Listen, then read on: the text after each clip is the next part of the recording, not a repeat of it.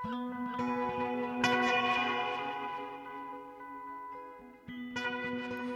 og sæl kærlustendur. Guðni Tómasson og Halla Harðardóttir hels ykkur úr hljóðstofi Vísjár 5. daginn 12. januar. Í Vísjá í dag 500 ára gömul tónlist sem að samt er eiginlega glæn í. Tukthúsið og síningaverkum Hildar Hákonardóttur. Næstkomandi lögadag, þann 14. januar, opnar á kjærvalstöðum yfirlitsýning á verkum myndlistakonunar Hildar Hákonardóttur. Hildur hefur á laungum ferli, fjallaði málefni samtíma síns, kynjapolítík, stjættapolítík og utaríkispolítík en auk þessum náttúruna og gildi hennar fyrir manneskjuna.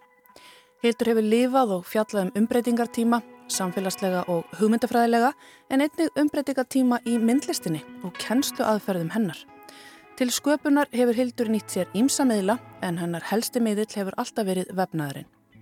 Sýningin á kjarvalstöðum sem kallast Rauður þráður veitir einsinn í feril Hildar og starfsaðferðir hennar í gegnum tíðina en hún er afrakstur rannsóknar síningastjórnans, Sigrunar Rólstóttur. Við lítum henn á kjærvalstaði í þætti dagsins og ræðum við Sigrunu um Hildi og hennar verk.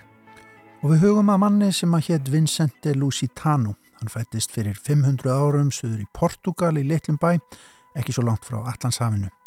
Hann var tónskál til hann var stór og hann var það sem kallað var Pardo meira eftir smástund.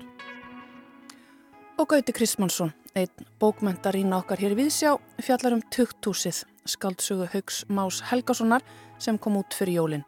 Þar varpar höfundu ljósi á lífið í Reykjavík á setni luta átjándualdar og það er Tukthúsið stjórnaráðshús dagsins í dag í miðpunti.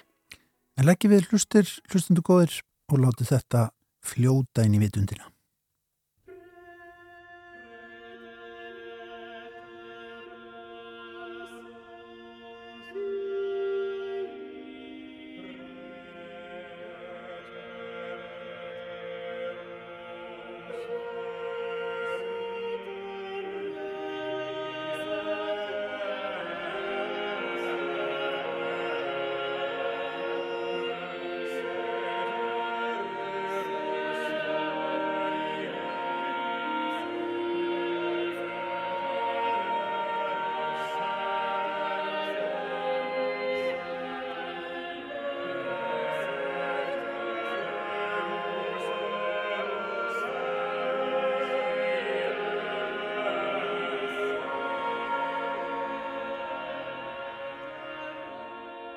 Þessi fagra fjölrata kórtónlist er eftir mann sem lifði á þessari jörð fyrir 500 árum síðan.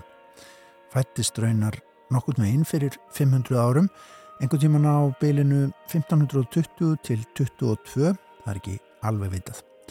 Hann fættist í bæ sem er á suðvestu Spáni, nær í núverandi landamærum Spánar og Portugal. Á spænsku heiti bærin Olivenza en á portugalsku Olivenka. Landamærin voru lengi óljós og umdelt á þessum slóðum en þegar snáðinn kom í heiminn þá var hann portugalskur þegn og bærin hafði reyndar verið portugalskur um aldir var það lengi enn, það var ekki fyrir enn 1801 sem spánverjar tóku þar völdi.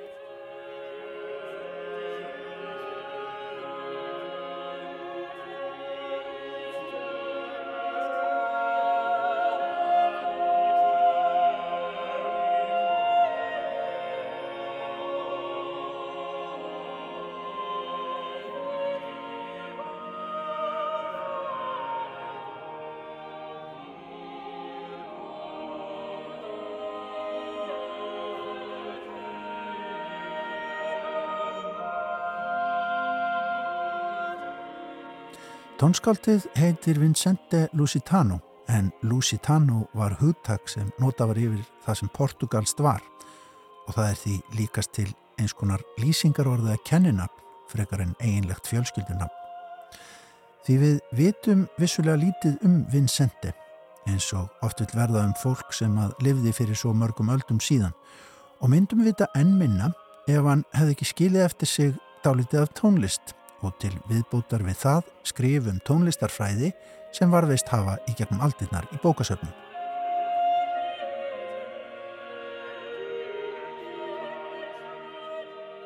Verkið sem við heyrum hér heitir Prater Rerum Seriam sem gæti útlagst sem umfram það sem eðlilegt getur talist. Míðaldi teksti sem að fjallar um kraftaverkið sem fæðing frelsarans er í hugarheimi Kristina manna um heim allan. Það er hér Marian Consort, breskur söngflokkur af hæstu gráðu og sérfræðingar í flutningi tónlistar endurreysnarinnar sem syngja. Það er ekki mikið vitað um Vincente Lusitano. Hann á samt sinn skerfi í þeim listaverkum sem portugalska endurreysnin skildi eftir sig og þar var margt magnað, til dæmis í tónlist og arkitektur. Við vitum að Vincente Lusitano var výður til preststjónustu í katholsku kirkjunni og það er líkast til ástæða þess að verk hans varðveittust, engum trúaleg tónlist en líka veraldleg, þó í minna mæli. Og við vitum líka að hann starfaði á Ítalíu á fullorins árum, í nokkrum borgum á þeim uppskifta stígvíla skaga sem þá átti langt í land með að verða ein og saminuð held eins og hann varð síðar. Vincente starfaði vist bæði í Padua og Róm, var til dæmis í þeirri eilifu borgum miðbygg 16. aldar Það er staðfest í heimildum.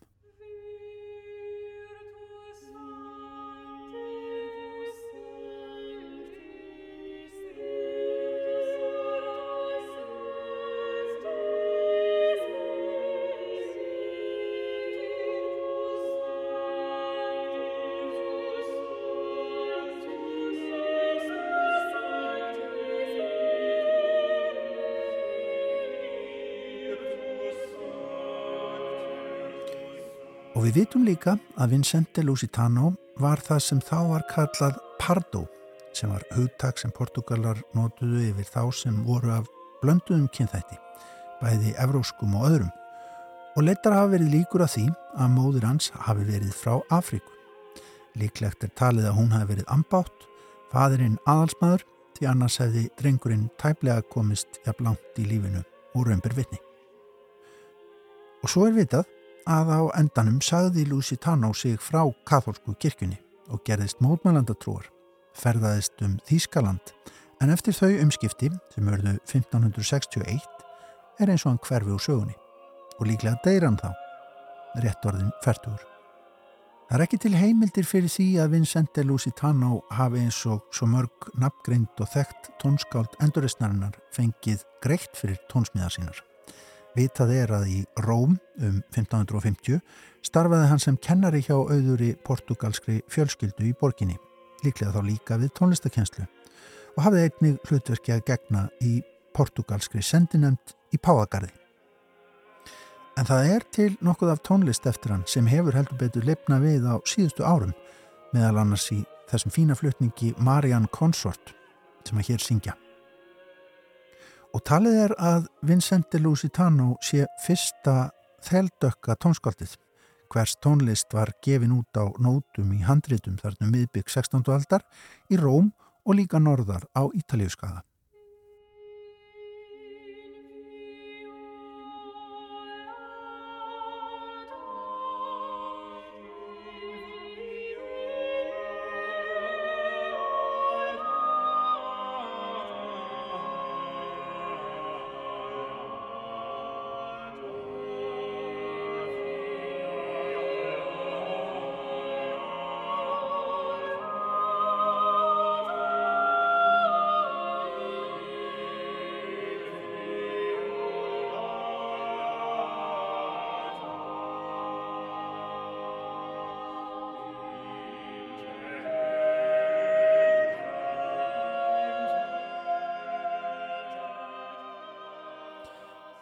Upphafi árs var fjallað um Vincente Lusitano og verk hans í New York Times og þá ekki síður þá vinnu sem tónlistarfræðingar inna af hendi nú um stundir við að auka veg hans í tónlistasögunni.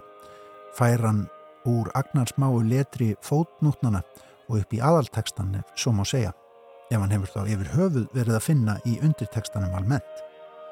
Í umfjöllu New York Times er rætt við tónlistarfræðinga sem eru á því að Lusitano eigi meira skilið. Ég hef alltaf furðað mig á þeirri mótsögn sem er milli afrega Lusitano og hver lítið við vitum um lífans, segir eittera þar. En eins og með svo margt í tónlistasögu endurreysnarinnar þá hefur afleið Vincente Lusitano vaksið og risið á allra síðustu árum.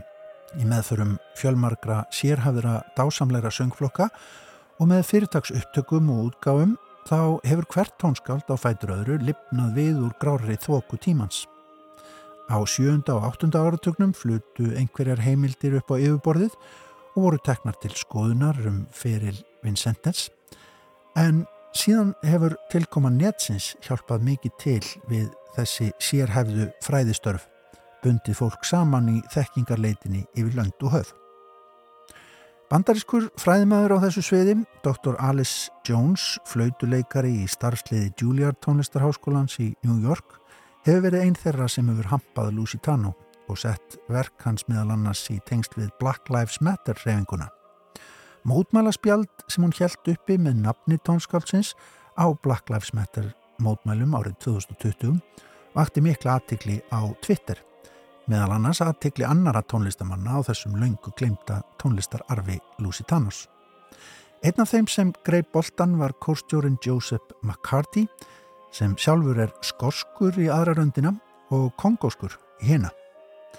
Hann fór út í það að útbúa verkin í sönghæfan búning eftir nútíma kröfum og deldi þeim síðan áfram ókeipis á gagnagrönnum netsins.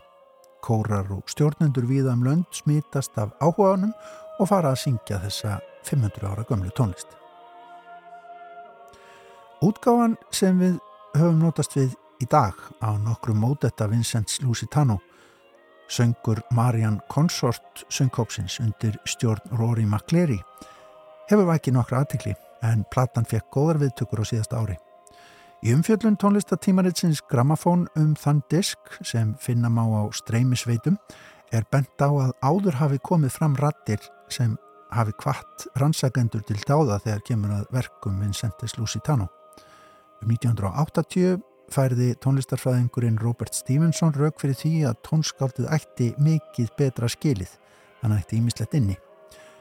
Stevenson undirstrykaði mikilvægi þess að tilvist þeldöks tónlistamanns í tónlistararfi evrósku endurreysnarinnar væri viðukend og í gaggríni tónlistatímaritsins á upptökunni sem hér hljómar undir segir að þessi tónlist eigi allt gott skilið. Hún sé af hám gæðum vonandi fjölgi vinundum Vincent Lusitanos nú 500 árum eftir döða hans. Og vitnispurðurinn sem þessi maður skildi eftir sig hefur aldrei verið meira lifandi. Það er vissulega falleg tilhugsun.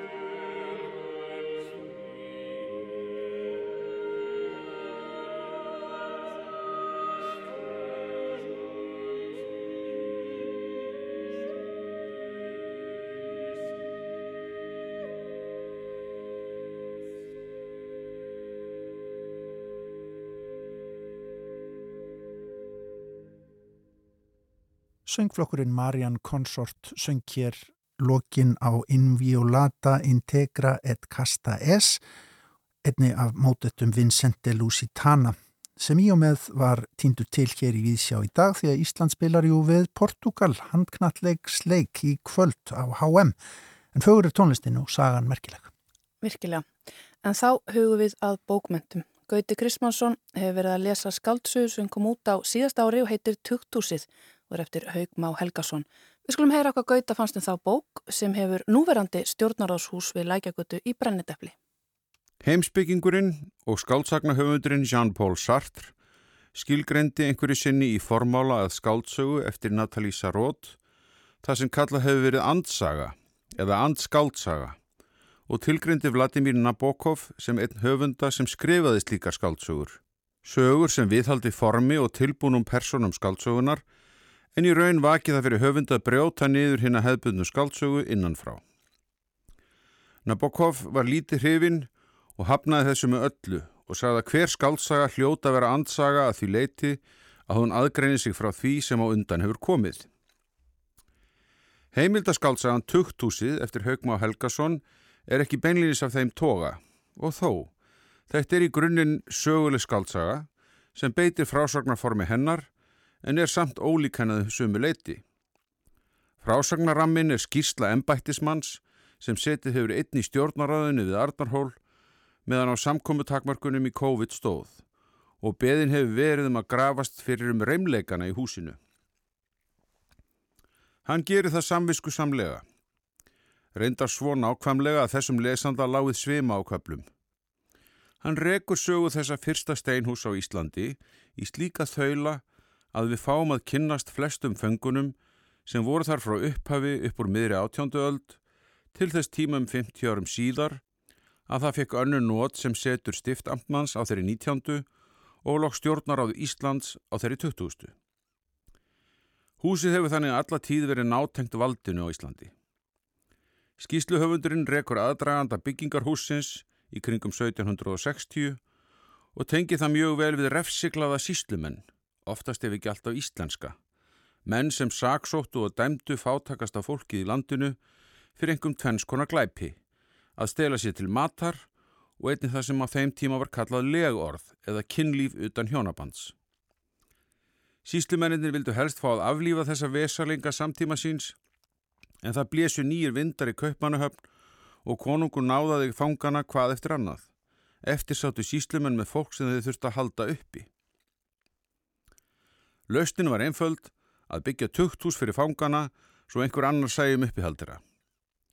Snildin fórst líka í því að það var hægt að nota henn að dæmdu í þrælavinnu við að byggja húsið fyrst. Sagan er að mörguleiti líka sagan af tilur Reykjavíkur og sagan af kúun yfirvalda á lítilmagnanum. Og það einhverjum íslenskra sem helst vildu losna við fangana í þrælabúðir í Danmörku. Stundu kom ég líki hug fangar okkar samtíma sem er að meiri hluta til fólk í fíknivanda og þyrti fremur á læknishjálpa halda en innilokun á hrauninu. Sagan er vissulega löng og skýsluhöfundur hefur sjálfur orðað því oftar en einu sinni, ekki sístundur lokin, en segja má að hann hafi beitt með endutekningunum henni klassísku frásagnatöf með episkum hætti. Rammin býr líka til spennu og þegar lesendur komast að því undir lokin hver mögulegu orsok reymlengana sé, þá virkar það nánast eins og denouement eða lausn á flækinni sem það auðvitað ekki er. Frásögnin er nákvæm og það er ekki sagt henni til hnjóðs. Glímunni við heimildirnar og frásagnarháttin er líst af sögumanninum og það hefur áranlega verið nöðsilegt að fara þessa leið. Að lýsa örlögum nánast hvers og eins þeirra sem þarna fór í gegn á þessum 50 árum. Það er raun og verið hryllingur að lesa þessa lýsingar á meðferð og döðsföllum allra þessara fanga í frásögn sem byggir á heimildum en er þó færð í stílin með ingreipum sögumanns sem lýsir ekki aðeins utanfrá, heldur á stundum, hugsunum og tilfinningum fólksins. Hann fer þó sparlega með það og beitir fremur knöppum stíl sem á vel við þetta viðfangsefni sem á formið í þessum frásagnar ramma. Þrátt fyrir allar endutekningarnar á svipuðum örlögum fólksins, karla og kvenna sem lifiði oft við mikla vósbúð og vesöld tekst höfundinum að færa okkur átakanlega nærri þeirra stuttu og ömurlegu æfi. Við finnum til með þeim. einmitt af því að sagt er frá með fremjar þurrlega kaltæðnum hætti. Um leið leifir sögumæður sér að koma með getgátur sem hann setur alltaf fyrirvara við, eins og hér. Ég hef ekki fundið þess stað í skjölunum, en svo sem ekki neitt sem andmæli því heldur. Til utan líkur. Þannig er þessi heimildaskáldsaga eða skýsla að mörguleiti andsaga sín sjálf.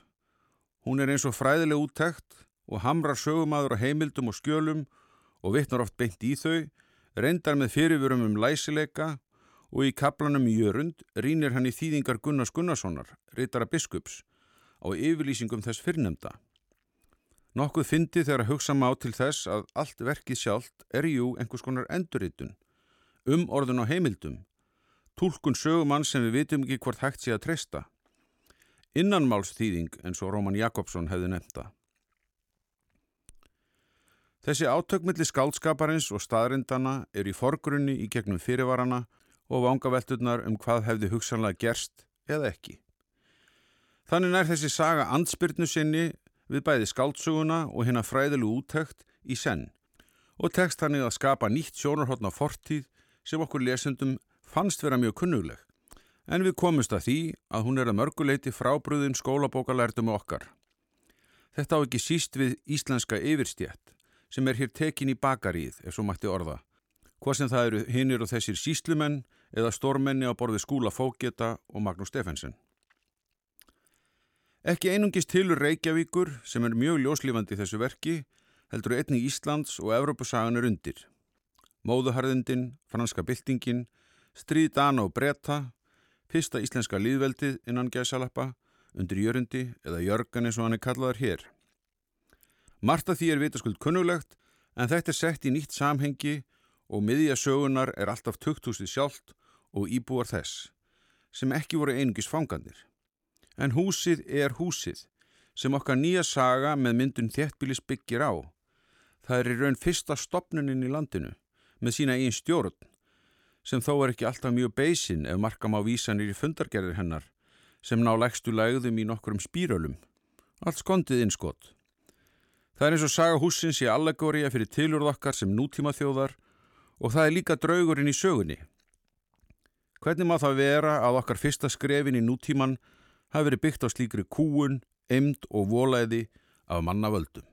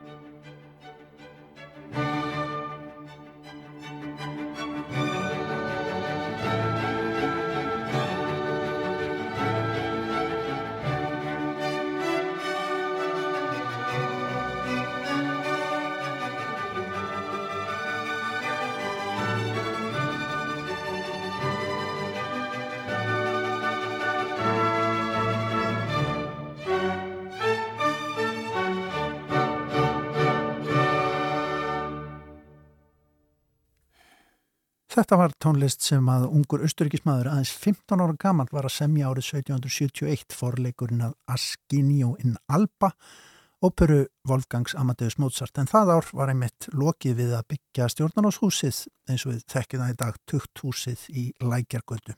Svona í samhengi sögunar. En úr tónlist yfir í myndlistina.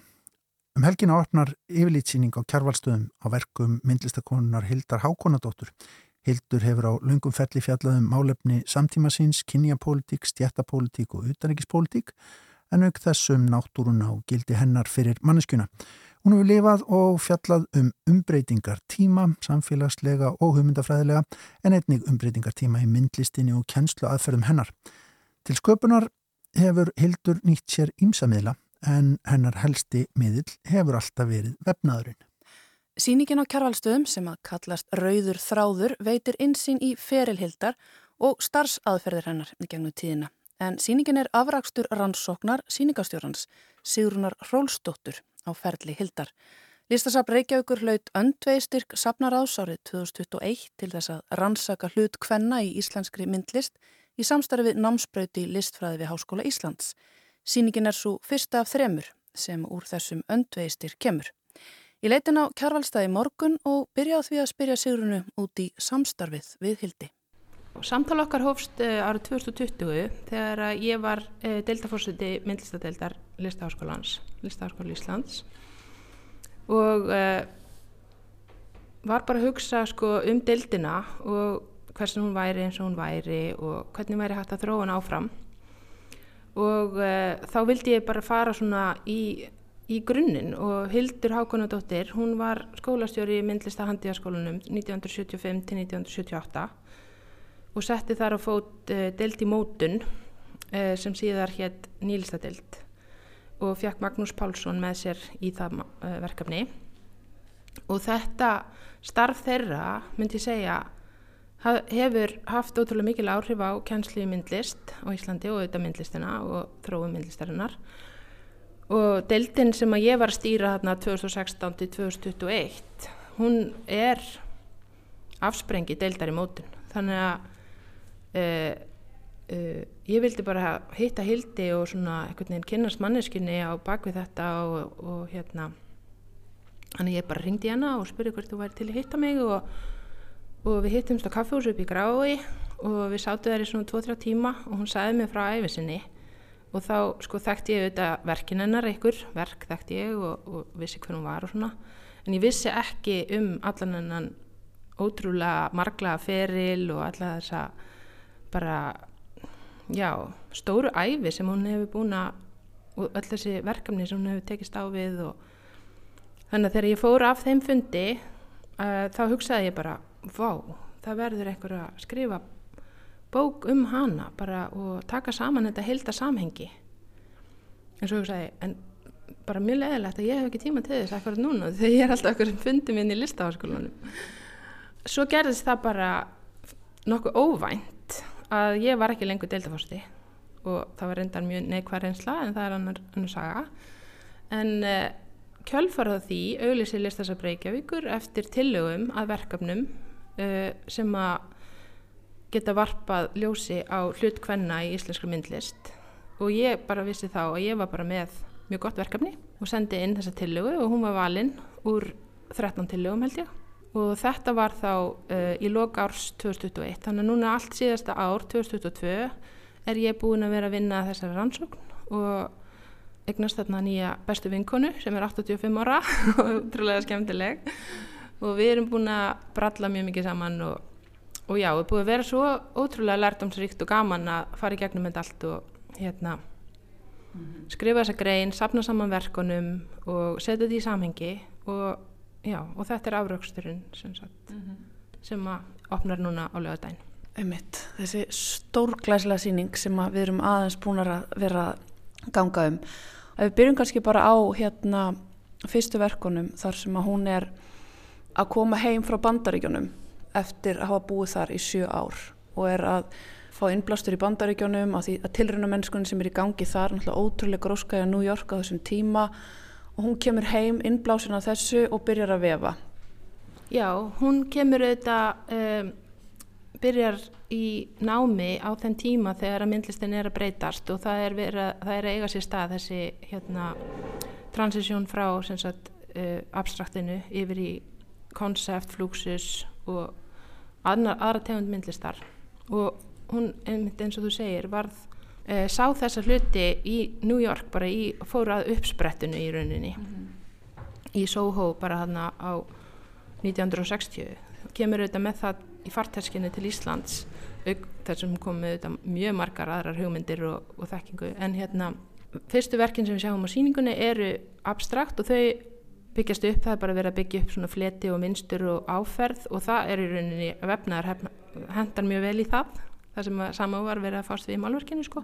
en svo tekur hún skrefið bara yfir í hérna figuratíft og, og það er sko líka hefur með það að gera að hún vildi alltaf vera að segja sögur og hún taldi að það væri eitt af svona því mikilvæga að í listinni að það væri að segja þessa sögur og, og, og nota hér myndræna myndmálið í rauninni til þess að bara skrásetja menninguna og, og miðla hugmyndum eins og kemur inn, ég kemur inn á í greininu og hún sjálf skrifar á þessum tíma að þá þá hafði abstraktið kannski, það var orðið bara eitthvað formalismi og það hafði ekki rauninni lengur sko þessa þjóðfélagslegu skýrskotun sem að henni fannst vera mikilvæg.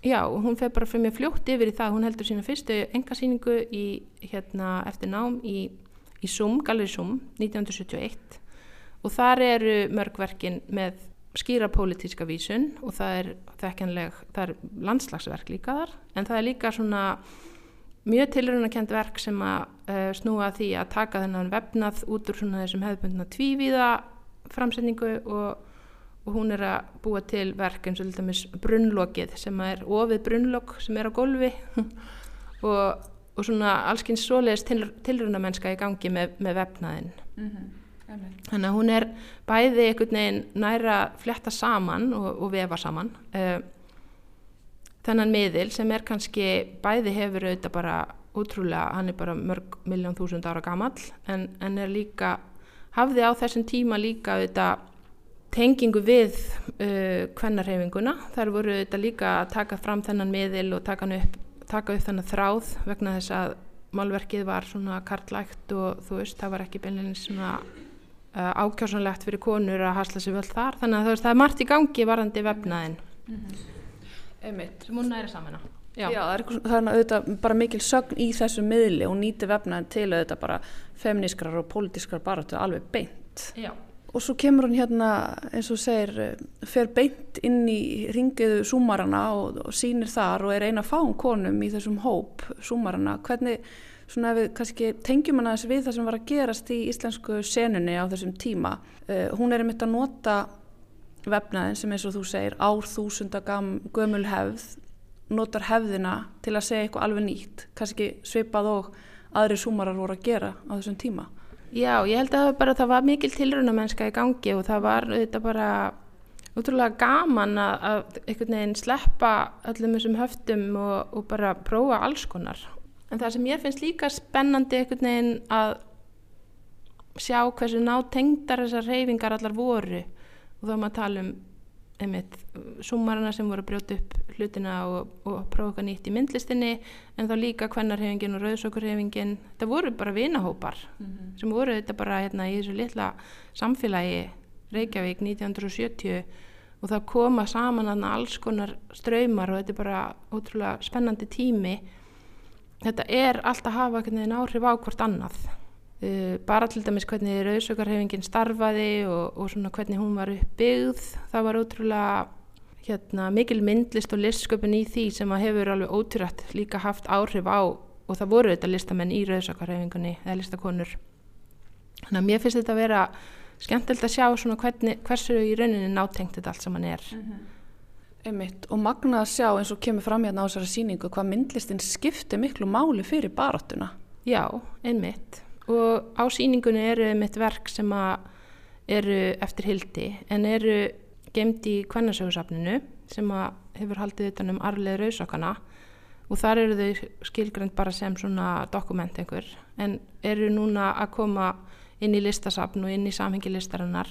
-hmm. af því þetta er þetta myndlistaverk þetta er ekkit annað. En þetta eru uh, plaggöt og þetta er líka það er eitt verk sem að mér þykir mjög vænt um að sína hérna og hefur auðvitað sé, sérst áður í samhengi svona sögur auðsökarna er félagsformið sem að Hildur hafði þar bara spilað stóran það er í rauninni hún sem að presentera þetta form á fundi og, og bara laði mikla áherslu á það hversu mikilvægt það væri að rauðsokarhefingin væri ekki skipulögð eins og þessi hefðbundna hýrarskíska félag er oft sett upp með formanni og reytara og stjórnum því öllu. Það var ekki félagatal og það var ekki eitt formaður.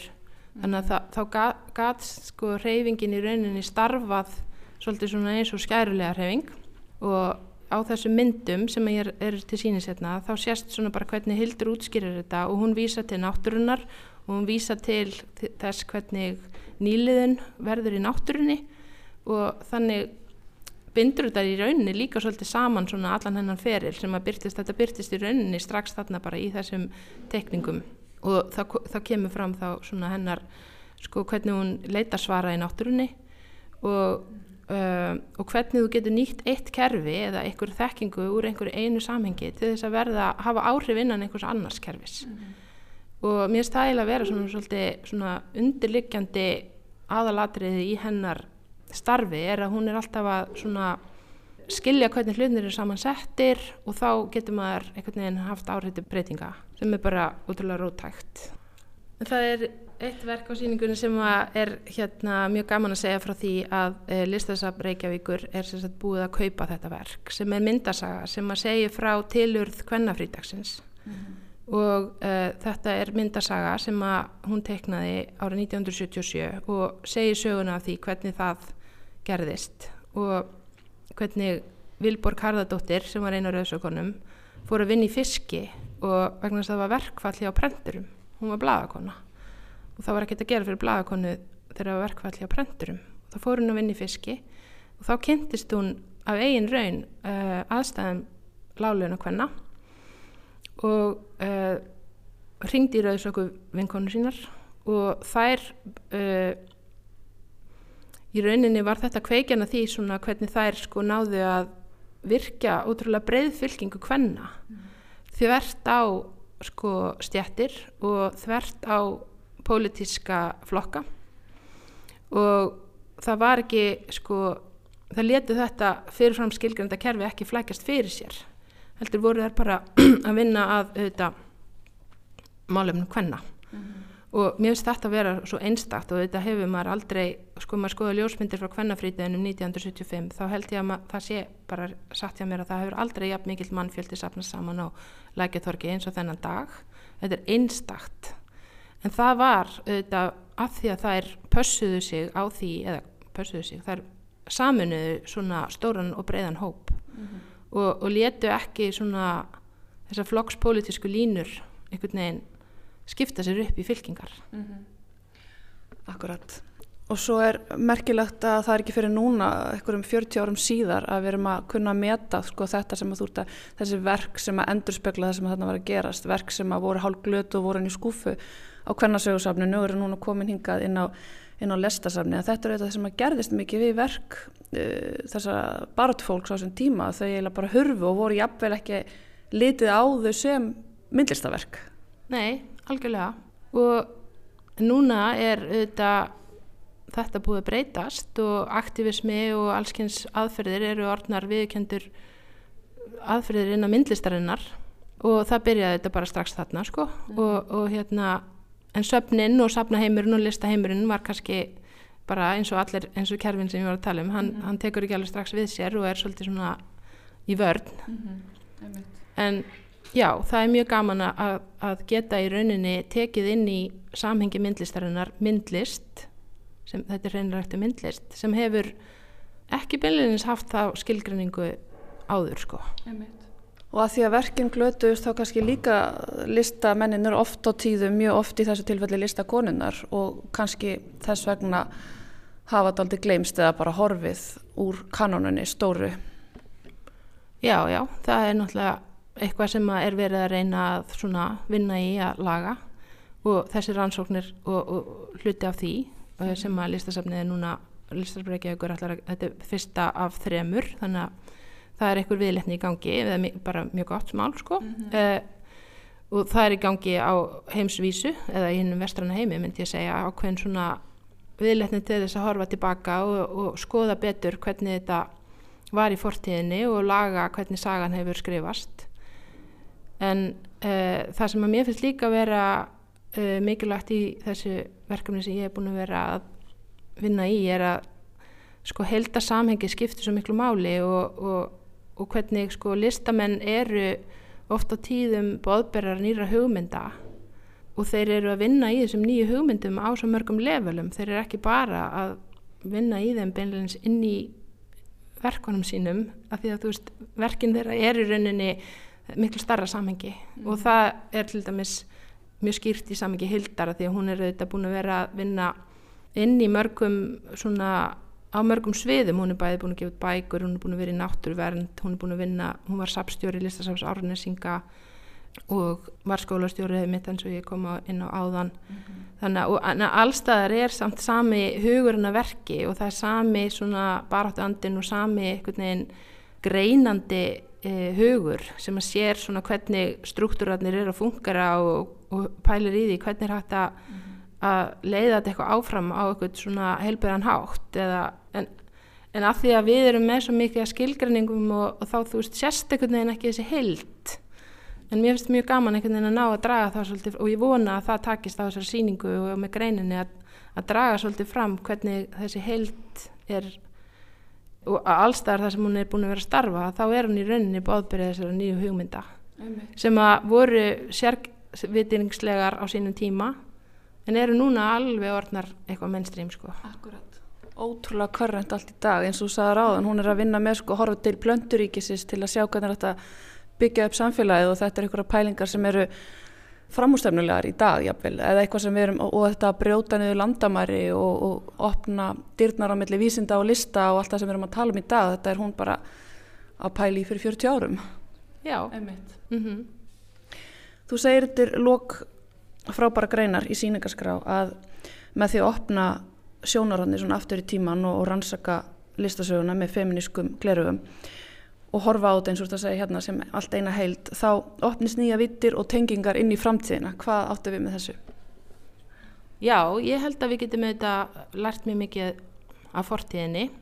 Það að einblýna á sífælda framþróun hefur komið í ljósa er bara alls ekki endilega góð hugmynd og margt af þeirri tækni sem hefur verið fundin upp á 20. öld er bara beinleins mjög skadaleg eins og til dæmis hérna á Íslandi að þá er það svolítið tilneyinga skilgrunna myndlistasöguna frekar stutt aftur og það er mikið við þetta verið að horfa til hérna, það eru handritin sem eru aðalatrið á, á miðöldum og, og auðvitað gríðalega mer merkilegu menningararfur. En það er líka allskins önnur uh, starfsemi sem var í gangi menningarstarfsemi á þessum tíma sem ég held að við getum lært mikið af. Og þá erum við að tala um hérna, byggingalistina uh, og bara hvernig fólk náði að draga fram lífið á þessu landi. Þá erum við að tala um bara hvernig fólk bjóti mat, hvernig það bjóti fött, hvernig það bara náði að lifa áður en það var plast og áður en það var vel. Og þarna held ég að liggja útrúlega mikið að svörum við því hvernig við getum auðvitað í samstarfi við tölfur og vélar og nýja þekkingu uh, þróað okkur áfram uh, á samt sjálfbarari hátt og í svona meiri sko, samstarfi við allar þessar hérna, já allar þessar náttúru, allar þessar efni sem að þetta voru þá grunn efnin og þá erum við að tala um ull, gras uh, torf það sem að fólki lifið á og þetta getur maður líka að lesa í gegnum emitt listsköpunina og, þá, og handverk og emitt það hefur allt verið skilgrend bara sem að handverk mm -hmm. en þetta eru þetta myndlist líka og eins og ég fór á þjóðminnarsafnið og ég sé á þjóðminnarsafninu tvífið verk með myndum sem segja sögur og það stendur á skiltinu rúm ábreyða það er mhm. eitthvað, eitthvað vittlust í þessu kannski var þetta rúm ábreyða líka og þetta er mjög sniðið að búa til eitthvað praktiska hluti en þetta er alveg ótvírætt listaverk sem segja gríðarlega mikla sögu mm. og bera vottum bara mjög hátt menningastig Já, á þessu leiti til held ég að við séum aðeins að þrengja sjónarhortnið oft á tíðum með því að skipta hlutunum svona upp í deildir og skilgrana svona ofsalega mikið þá erum við að þrengja sjónarhortnið, flækja hlutina kannski einum of og, og þá missum við af heldamyndinni af því maður þarf alltaf að reyna að skoða heldamyndina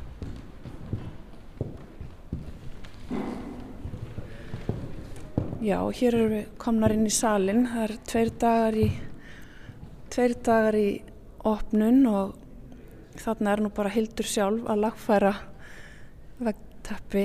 Mm -hmm. Hún er að vinna í einu verki bara núna með nál og þráð.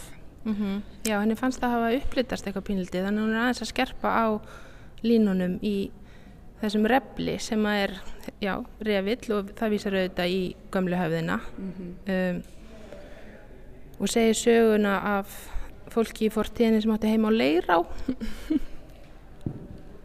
já, ég kannski vel Þetta bara... hér eru komnar út frá þessum pólitíska tíma, við erum búin að ræða hans alltaf en við skulum koma hérna. Já, ég get kannski bara vel þetta verk. Þetta er verk sem ég finnst vera mjög fallet verk sem að hildur Óf árið 1981 og það er sérstaklega eftir að hún flytur úr Reykjavík og í Ölfus á Ströyma og verkið heiti Vetragrass og er svona í litum sem eru mjög þekkjanlegir, við þekkjum þess að liti, þetta eru svona gullett grasa vetri til og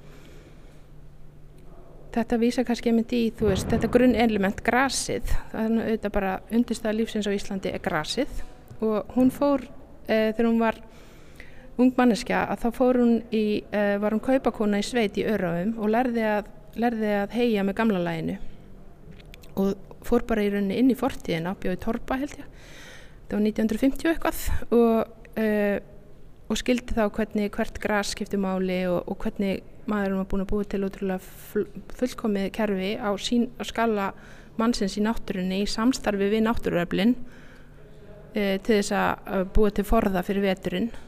Og svo bara tveimur árum síðar þá er sko Hildur komin til bandaríkjana þar sem hún, uh, maðurinn hennar var í, í, komin í, í starfræðinám og hún var að bara hitta flúksuslistamenn á Manhattan. Og það er, eitthvað tenging hérna, þetta, þetta skiptist svona upp í eitthvað reyti og það er tenging hérna sem að snýst á bæði um sagt, uh, bara grunnform náttúrunar og svona það að skilja hvernig maður getur verið í samstarfi við náttúruna, síðan þú er svona starfræðileg hugsun sem að uh, tengist inn í tölvurnar og það allt sem að maðurinn hennar þáverandi, hann var að vinna að, og nema tölvur í bandaríkjanum og svo líka bara vefnaðinn sem einhvers konar undistæða siðmyningarinnar og mjög kerfisbundin hugsun sem að vefnaður er og um, það kemur allt einhvern veginn saman í þessu verki Magnað Tveir dagar í opnun, sigur hún, eftir hvað? Þryggja ára vinnu? Eins, já, jú, eh, ég minna ég hitt hana fyrst já. 20 og 20. Já. Já, einmitt, það er bara mjög skemmtilegt og búið að vera gríðarlega lærdomsríkt og skemmtilegt að vinna að þessu verkefni og mjög gaman að geta miðlað til fólks. Mm -hmm. Ég ætla að leiða ykkur að klára einhvern fá að smetla ykkur kannski einni mynd saman fyrst. Já.